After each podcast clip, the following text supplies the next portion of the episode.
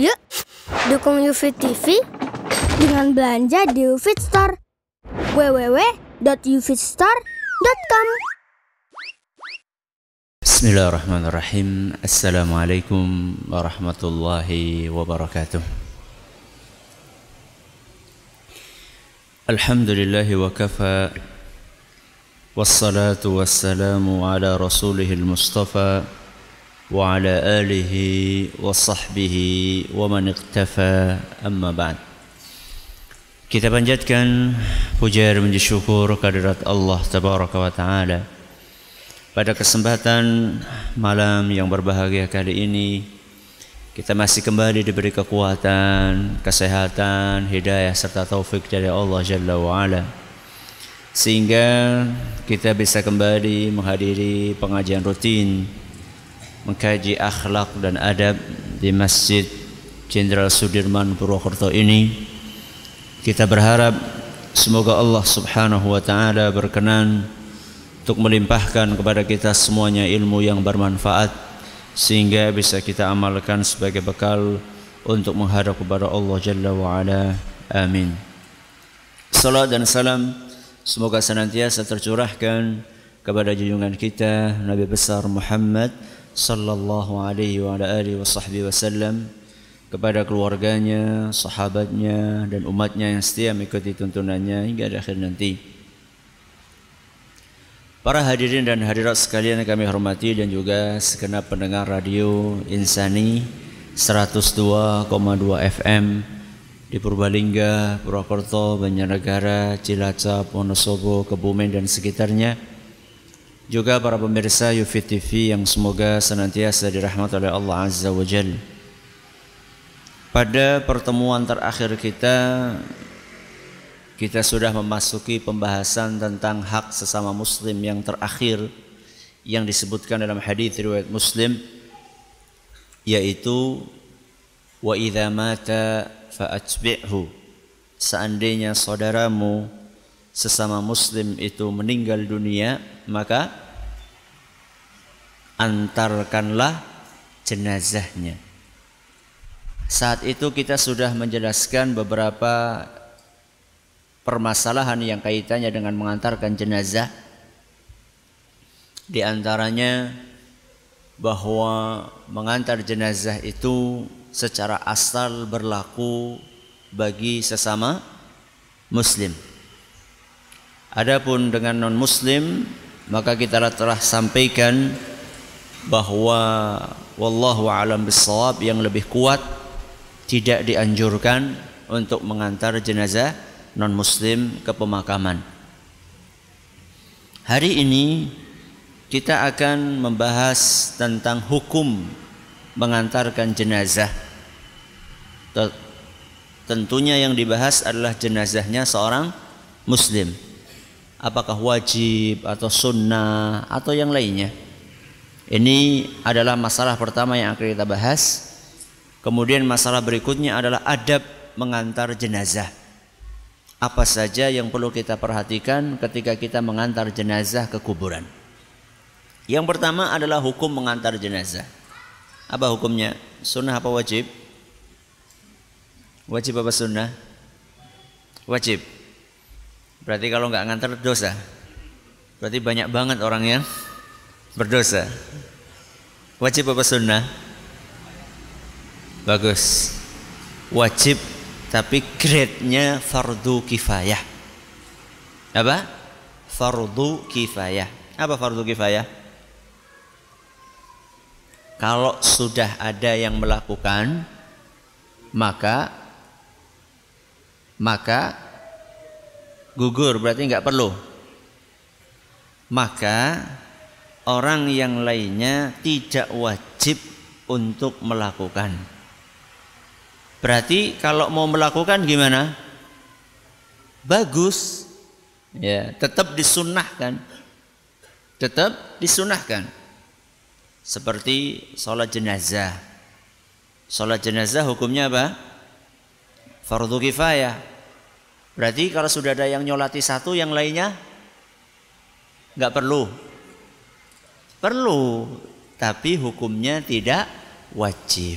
Hukumnya sun sunnah. Jadi mengantar jenazah ke kuburan hukumnya adalah fardu kifayah. Dalilnya apa? Bahwa itu adalah fardu kifayah. Dalilnya adalah hadis Al-Bara ibnu Azib. Hadis Al-Bara ibnu Azib di mana Rasulullah sallallahu alaihi wasallam menjelaskan kata Al-Bara amarana Rasulullah sallallahu alaihi wasallam bittiba'il janaiz Artinya Rasulullah sallallahu alaihi wasallam memerintahkan kepada kami untuk mengantarkan jenazah. Apa bunyinya? Rasulullah sallallahu alaihi wasallam memerintahkan kepada kami untuk mengantarkan jenazah. Para ulama kita mengatakan bahwa perintah di situ dimaknai dengan wajib tapi fardu kifayah. Bahkan ada sebagian atau dinukil kesepakatan para ahli fikih bahwa hukumnya adalah fardu kifayah. Ini adalah hukum mengantar jenazah. Intinya mengantar jenazah hukumnya apa tadi? Fardu kifayah.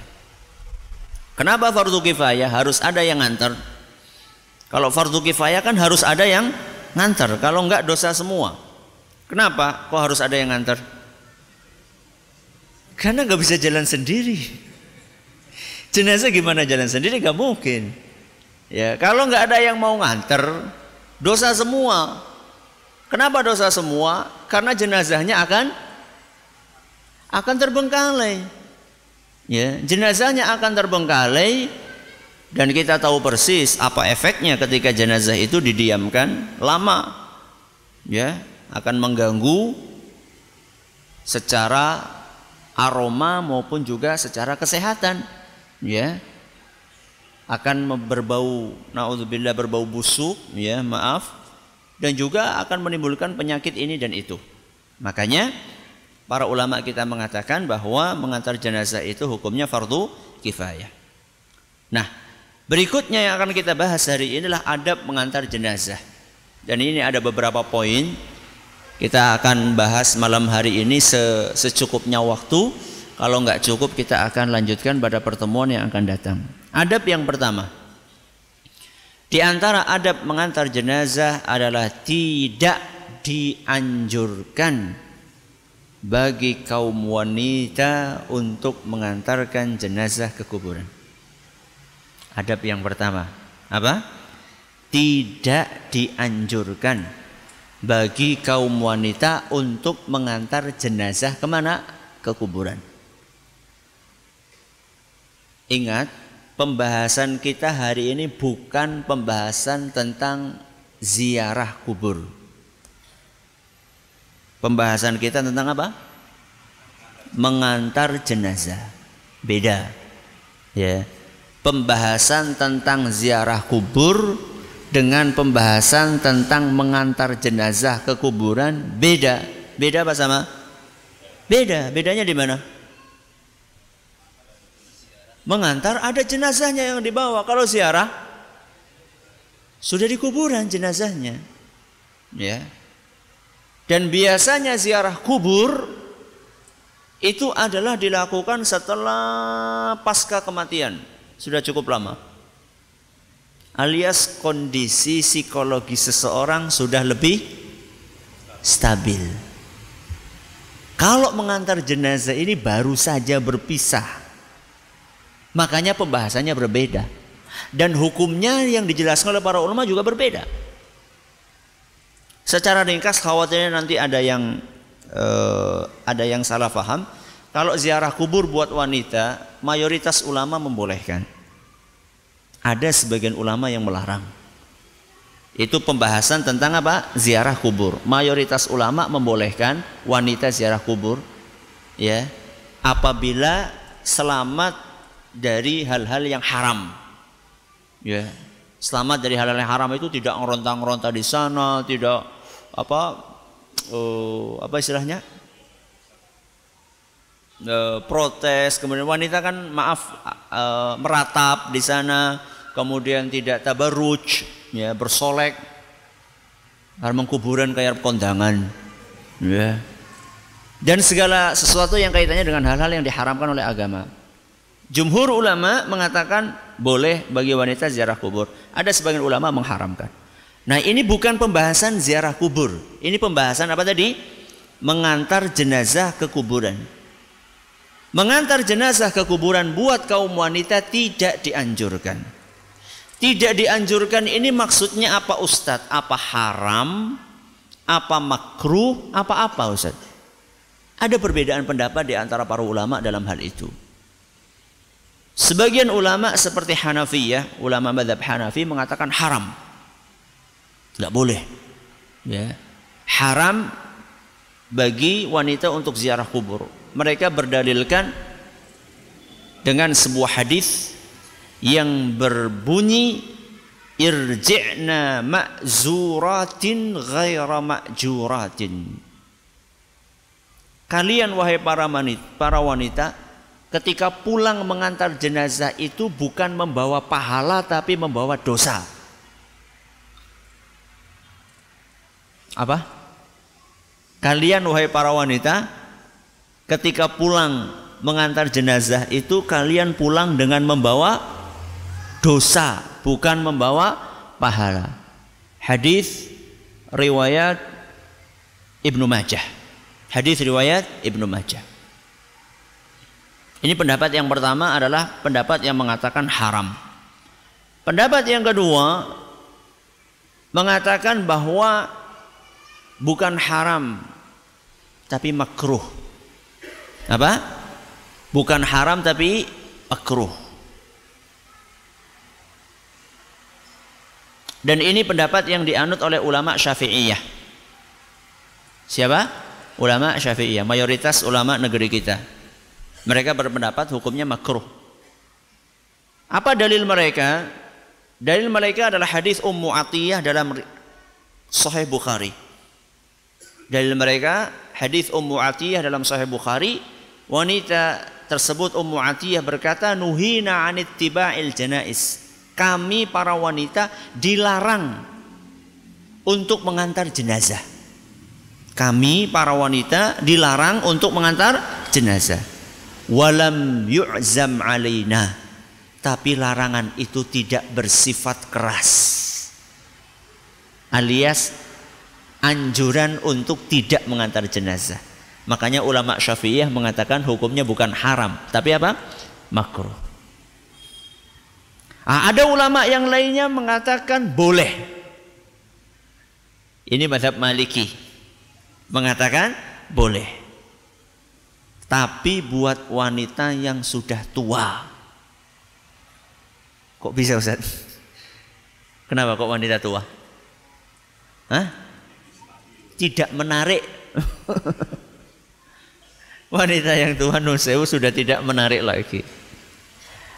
Nah, kalau wanita yang muda bagaimana? Kata mereka kalau wanita muda itu tidak menarik perhatian, apa ada wanita muda tidak menarik perhatian? Ada nggak? Ada saja. Mungkin nggak terlalu cantik gitu ya. Kemudian rapat pakaiannya, ya. Maka diperbolehkan juga kata mereka kalau yang meninggal adalah orang-orang terdekat dia. Suaminya, bapaknya, apalagi ya suami, bapak, adik, kakak, ya orang dekat banget gitu ya itu kalau aman dari fitnah. Ini pendapat Malikiyah. Tapi mereka keras juga kalau menimbulkan fitnah. Kayak tadi misalnya keluar mengantar jenazah dan dane kayak wong Arab kondangan. Ya. Maka kata mereka haram, nggak boleh. Ya. Jadi dari tiga pendapat ini yang pertama mengatakan haram, yang kedua mengatakan Makruh yang ketiga mengatakan boleh buat kaum wanita yang sudah tua atau kaum wanita yang masih muda tapi tidak menimbulkan fitnah dan yang meninggal orang-orang terdekatnya. Dari tiga pendapat ini yang lebih kuat mana Ustaz? Wallahu alam bisawab. Nampaknya yang lebih kuat adalah pendapat yang kedua. Pendapatnya siapa tadi? Ulama Syafi'iyah yang mengatakan hukumnya makruh. Hukumnya makruh. Karena hadis yang saya sampaikan tadi riwayat Bukhari. Jadi hadis Ummu Atiyah yang saya sampaikan tadi nuhina anittiba'il janais. Kami dilarang oleh Rasul untuk ikut mengantarkan jenazah walam yu'zam alaina. Cuman larangan itu tidak bersifat keras. Jadi hanya sekedar anjuran supaya tidak ke mana? Ngantar ke kuburan. Ini lebih kuat dalilnya hadis riwayat Bukhari. Lah tadi Ustadz, hadis yang mengatakan kalian para wanita ketika mengantar jenazah pulang bawa dosa, bukan bawa pahala. Itu kan jelas sekali Ustadz menunjukkan haram. Iya, kalau hadisnya soheh. Masalahnya hadisnya dhaif. Masalahnya hadisnya dhaif. Kata Imam Al-Busiri, ya, kata Imam Al-Busiri hadisnya dhaif. Dan juga disampaikan oleh Imam Al-Haythami juga menyampaikan yang sama dan juga Az-Zahabi juga menyampaikan yang sama. Jadi hadis yang tadi pulanglah kalian membawa dosa bukan membawa pahala itu hadisnya dhaif sehingga larangan Rasulullah SAW bagi kaum wanita untuk mengantar jenazah ke kuburan tidak sampai derajat haram hanya dalam tanda kutip sampai derajat apa tadi makruh saja. Makanya tadi adab yang pertama yang saya sampaikan tidak dianjurkan ya. Tidak dianjurkan. Kenapa kok wanita dikhususkan oleh Rasulullah SAW kenapa kira-kira? Karena lebih sulit mengatur emosi perasaannya. Ya. yeah. Ini kita bicara secara umum ya, kita bicara secara umum. Kalau person-person kadang-kadang ada laki-laki yang lebih cengeng dari wanita. Kita bukan bicara uh, satu persatu, kita bicara tentang keumuman. Ya, keumuman wanita itu lebih lebih labil perasaannya dibandingkan laki-laki. Makanya untuk menghindarkan hal-hal yang tidak diinginkan, meronta-ronta atau pingsan di mana?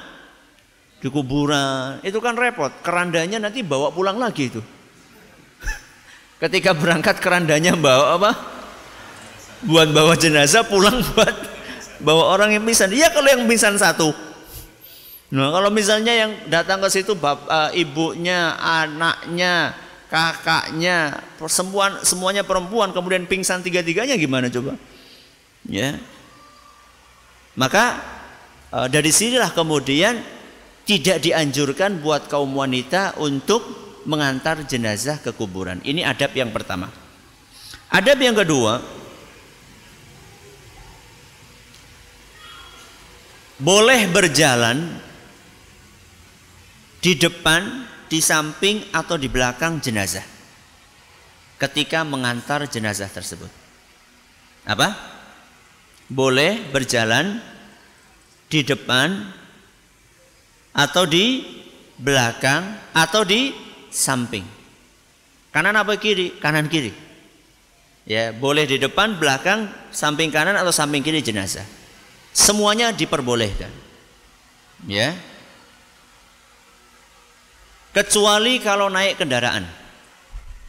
Kecuali kalau naik kendaraan. Kalau naik kendaraan maka hendaklah berjalan di mana? Di belakang. Ya. Loh, jadi londok banget Ustaz, ya salah yang nganggo kendaraan. ya. Karena memang nanti kita akan bahas pada poin berikutnya atau di tengah-tengah poin ini bahwa yang dianjurkan itu jalan. Ketika nganter jenazah ke kuburan itu dianjurkan untuk jalan, bukan naik kendaraan. Kita ulangi. Adab yang kedua apa tadi? Boleh berjalan di mana? Depan, belakang, samping kanan kiri jenazah kecuali kalau naik kendaraan. Kalau naik kendaraan maka di belakang. Apa dalilnya? Sabda Nabi Shallallahu Alaihi Wasallam yang diriwayatkan oleh Imam Nasai. Dan hadis ini dinyatakan sahih oleh Imam Al-Hakim, Al-Zahabi dan juga Al-Albani. Hadis sahih. Rasulullah SAW bersabda, Ar-rakibu yasiru khalfal janazah. Orang yang naik kendaraan, hendaklah dia berjalan di belakang jenazah. Orang yang naik kendaraan ketika mengantar jenazah hendaklah dia berjalan di mana? Di belakang jenazah. Wal mashi adapun orang yang berjalan haitsu syaa minha maka silahkan mau di mana pun berjalan. Kemudian Nabi SAW merinci di mana pun kata Nabi khalfaha boleh di belakangnya. Wa amamaha boleh juga di depannya. Wa an yaminiha boleh juga di sebelah kanannya. Wa an yasariha boleh juga di sebelah kirinya. Qoriban minha. Usahakan mendekat ke jenazah tersebut Mau kanan, mau kiri, mau depan, mau belakang, usahakan mendekat. Kenapa kira-kira? Kenapa kira-kira? Suruh deket-deket jenazah kenapa? Ngangkat rok? Apa? Nganter, namanya nganter di sampingnya gitu ya. kenapa kok mesti deket-deket? Ya bukan mesti, dianjurkan dekat kenapa? Gantian. Nek perak ke Kenapa kira-kira? Di antara hikmahnya adalah agar kita ingat mati. Agar kita ingat mati. Ya. Makanya nanti kita akan jelaskan di poin apa yang mesti kita ucapkan ketika kita mengantar jenazah saat itu kita itu dianjurkan untuk hening. Hening itu apa? Murah kakek ngomong. Ya. Gak mengangkat suara nanti kita akan jelaskan hadisnya, dalilnya. Ya. Jadi saat itu kita itu melihat ke jenazah bahwa saya nanti nggak lama lagi akan mengalami seperti apa yang dialami oleh orang ini. Andaikan orang ini meninggal dalam keadaan baik, maka sekarang kalau saya belum baik, saya pingin seperti orang ini, saya akan perbaiki diri saya.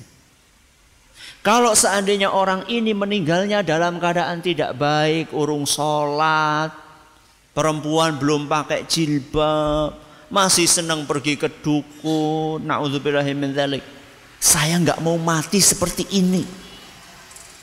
Yeah. Maka saya berusaha memperbaiki diri saya. Makanya seharusnya setelah mengantar jenazah, seharusnya masjid itu tambah apa? Rame. Di rumah eh di kampung jenengan gimana? Setelah ada jenazah orang mati pada rame orang? Malah pada orang mau masjid. Dan ada sebagian malah sengaja menjauh anu wedi. Subhanallah. Jangan-jangan di hadapan saya ini masih ada yang takut lewat kuburan ini. Hah, masih takut? Aduh, kepri bagi. Ini gara-gara nonton film horor. ya. Jadi justru itu makanya Nabi SAW mengatakan kariban minna deketilah jenazah tadi supaya kita bisa merenung. Karena memang di antara tujuan mengantar jenazah adalah untuk mengingat kematian. Untuk mengingat akhirat, makanya dalam hadis lain disebutkan wattabi'ul janaiza tudzakkirukumul akhirah. Antarkanlah jenazah karena dengan kalian mengantarkan jenazah itu akan mengingatkan kalian dengan akhirat. Dan subhanallah betapa sering kematian itu lewat di depan kita. Akan tetapi coba berapa kali setelah kita melihat kematian itu iman kita bertambah. Lebih ingat akhirat. Tidak terlalu tenggelam dalam dunia. Kerja boleh. Gak ada yang larang kita untuk bekerja. Bahkan agama kita memang mengajarkan kita untuk bekerja. Tapi mbok yau yang dikumpulkan buat dunia itu apa ya sudah sebanding dengan apa yang kita kumpulkan untuk akhirat kita? Kita hidup di dunia berapa tahun? 60, 70. Sedangkan kita di akhirat berapa tahun? seribu tahun, dua ribu tahun, sejuta tahun, selama-lamanya. Pakai logika saja, pakai logika saja, belum pakai dalil. Bekal yang kita butuhkan untuk kehidupan jutaan tahun atau selama-lamanya dengan bekal kita yang kita butuhkan untuk 60 tahun seharusnya banyak mana? Pakai logika saja, butuh bekal banyak mana? Kehidupan yang selama-lamanya. Jadi bukan kok kita ini nggak boleh bekerja, boleh. Bahkan itu dianjurkan dalam agama kita. Akan tetapi modal kita untuk hidup 60 tahun sama modal kita untuk hidup selamanya sekarang ini sudah lebih banyak mana? Banyak mana? Kok diem? Banyak mana kok? Sudah, kalau panjenengan bingung akeh endi, saya tanya. Jenengan sehari kerja berapa jam? Goleh pahal pirang jam? Berapa? 8 jam. Goleh sholat?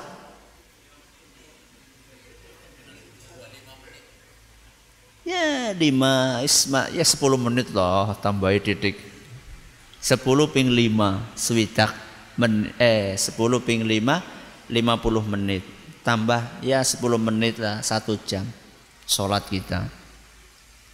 Kerja kita 8 jam. Padahal kita bekerja 8 jam untuk kehidupan 60 tahun. Sedangkan kita sholat satu jam untuk kehidupan selama-lamanya.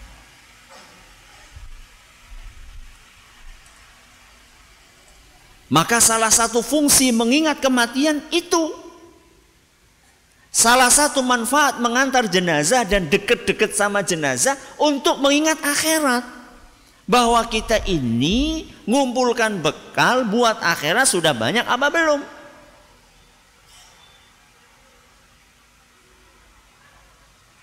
Nah, jadi adab yang kedua apa? Boleh berjalan di depan, di samping, kanan kiri atau belakang, kecuali kalau pakai kendaraan. Nah, sekarang para ulama kita mengatakan kalau kita berjalan boleh di depan, boleh di belakang, boleh kanan, boleh kiri. Tapi afdolnya yang mana?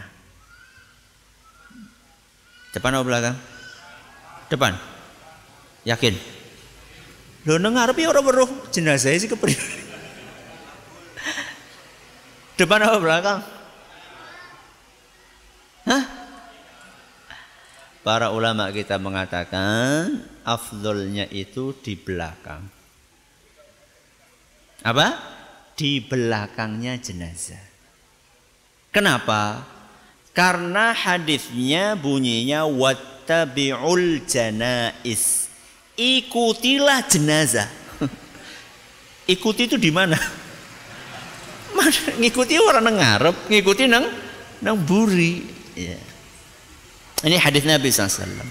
Tapi boleh, kita bukan bicara haram atau tidak. Kita lagi membicarakan apa? Mana yang lebih afdol. Jadi poin boleh itu sudah selesai. Panjenengan di depan boleh, belakang boleh, kanan boleh, kiri boleh. Tapi kalau ada yang pengen tahu mana yang lebih afdol di antara yang boleh-boleh tadi, maka yang lebih afdol di belakang. Karena Nabi SAW mengatakan, ittabi'ul janaiz, ikutilah jenazah. Ini yang pertama. Kemudian yang kedua, perkataan Ali ibnu Abi Talib. Beliau radhiyallahu anhu berkata, Al-mashyu khalfaha afdal minal mashyi amamaha. Berjalan di belakangnya jenazah lebih afdal dibandingkan berjalan di depannya jenazah. Seperti apa wahai Ali kelebihannya kafadli salati rajuli fi jama'atin ala salatihi fadza. Keutamaan mengantar jenazah di belakangnya jenazah dibandingkan di depannya seperti keutamaannya solat berjamaah atas solat sendirian. Pahalanya kayak sing di? Solat jamaah. Berapa 27 Anyong pengen dengar bayi ora apa-apa ngono. Namanya juga boleh kita lagi bicarakan tentang keafdolannya. Lebih afdol berjalan di mana? Di belakang. Sudah. Ini adab yang keberapa? Adab yang kedua. Adab yang ketiga. Masih ada waktu enggak? Masih? Berapa? Masih 6 menit? 6 menit. Ya. Dianjurkan mengantar jenazah sambil berjalan kaki. Apa? Dianjurkan mengantar jenazah sambil berjalan kaki.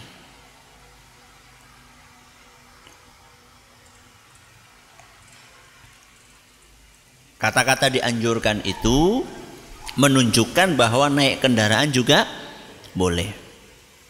Dianjurkan mengantarkan jenazah sambil jalan kaki.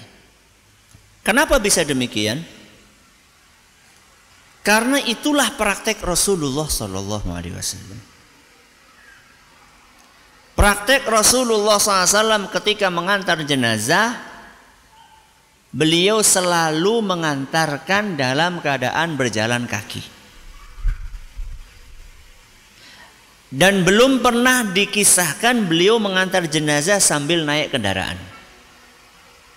Kendaraan pada saat itu maksudnya apa? Onta atau kuda Enggak. Selalu beliau ngantar jenazah dengan berjalan kaki. Thauban radhiyallahu anhu salah seorang sahabat Nabi menuturkan Inna Rasulullah sallallahu alaihi wasallam utiya bidabatin wa huwa ma'al janazati. Suatu hari ketika Rasulullah SAW sedang mengantar jenazah ke kuburan, ada seorang sahabat bawa tunggangan. Nuntun tunggangan. Maksudnya mempersilahkan Rasul untuk naik. Fa'aba an yarkabaha. Rasulullah SAW nggak mau naik tunggangan tersebut. Falamman sarafa utiya bidabatin farakib. Setelah selesai mengantar jenazah sudah dimakamkan, beliau pulang. Ketika sedang pulang, ada sahabat bawa kendaraan lagi. Ternyata Rasulullah SAW mau naik kendaraan tersebut. Ketika berangkat ditawari naik, beliau nggak mau. Ketika pulang ditawari naik, beliau mau.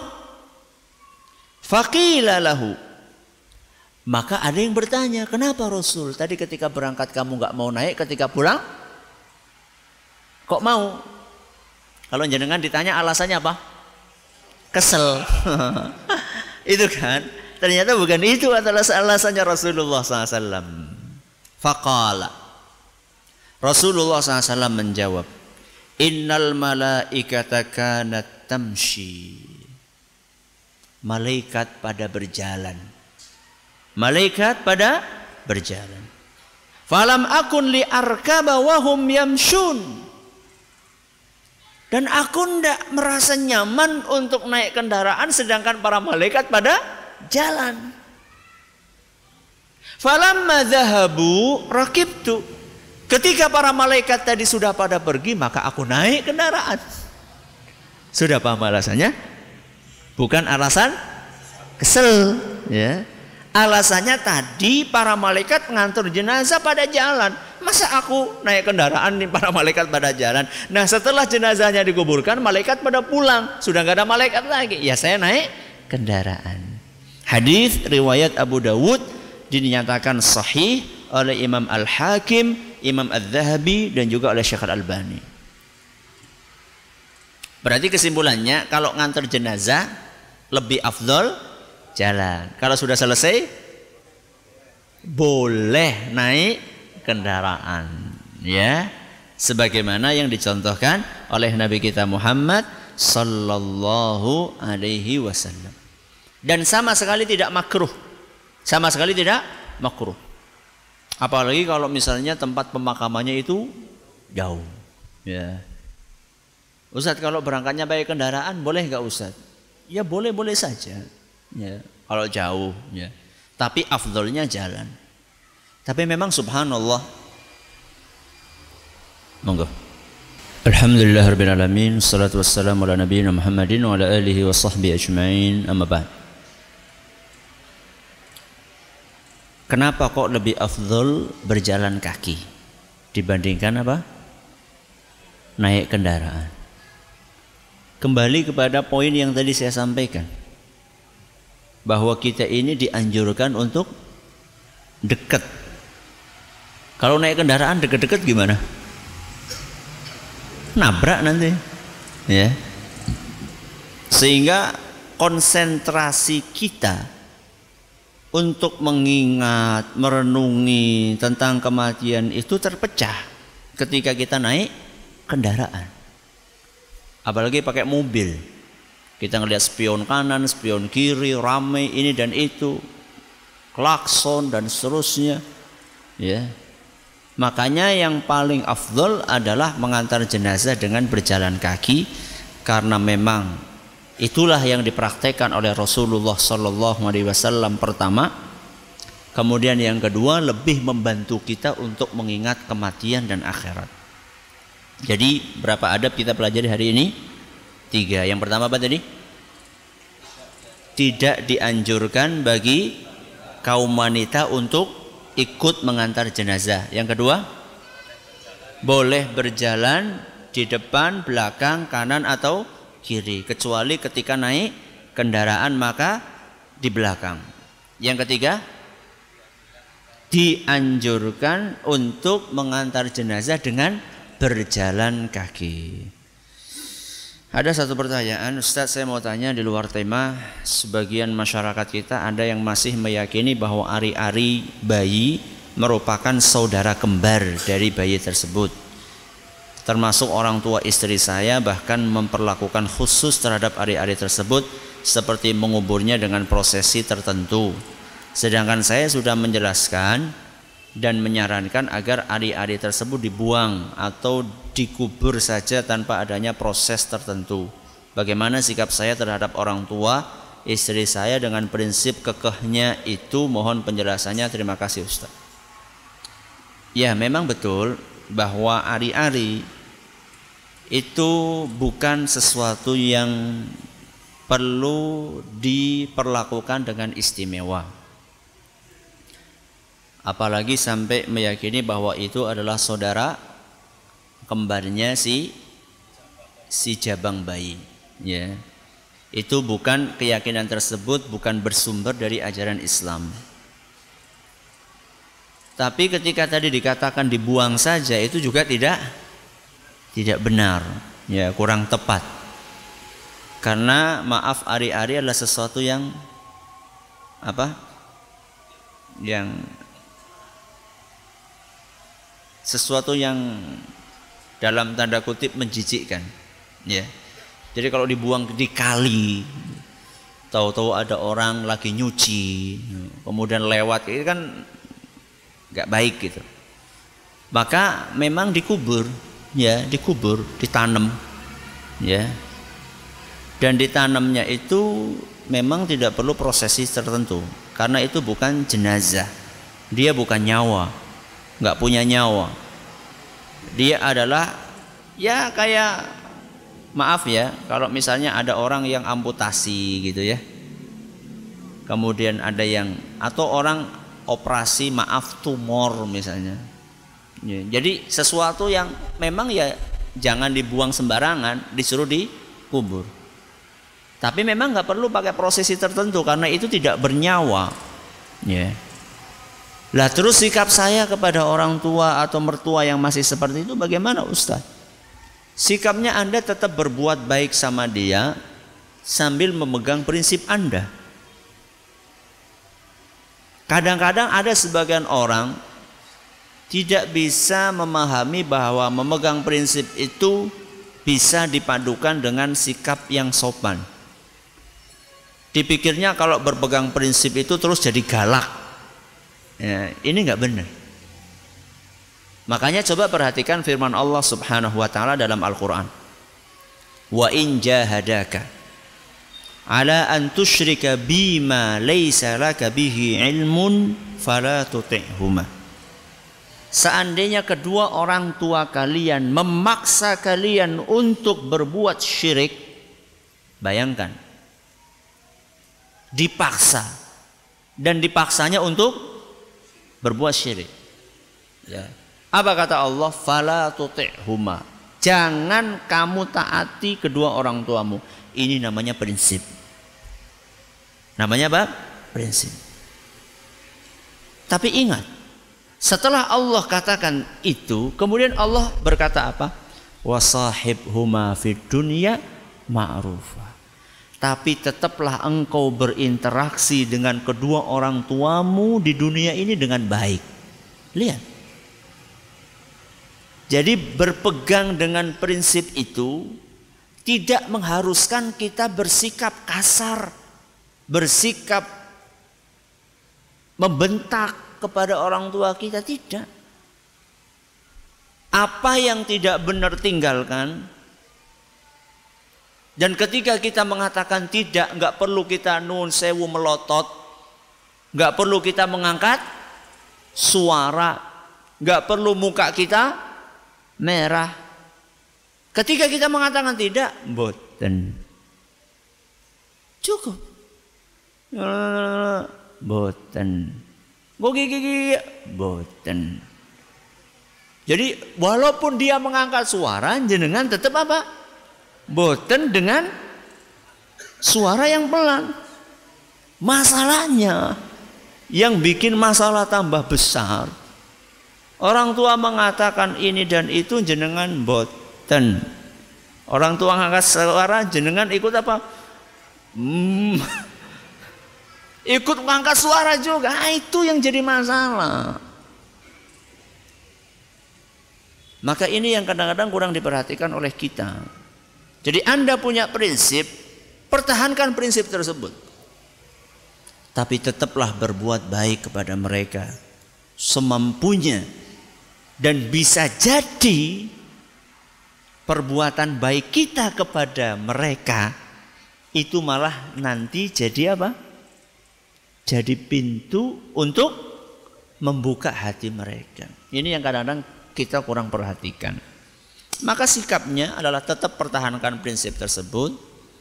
Kalau orang tua memaksa untuk melakukannya, Anda nggak perlu cawe-cawe ikut-ikutan ritual tersebut, tapi tetaplah berbuat baik sopan kepada mereka. Semoga sambil didoakan semoga mereka mendapatkan hidayah dari Allah Azza wa Jal. Ini yang dapat kami sampaikan. Terima kasih atas perhatiannya. Mohon maaf atas segala kurangannya kita tutup.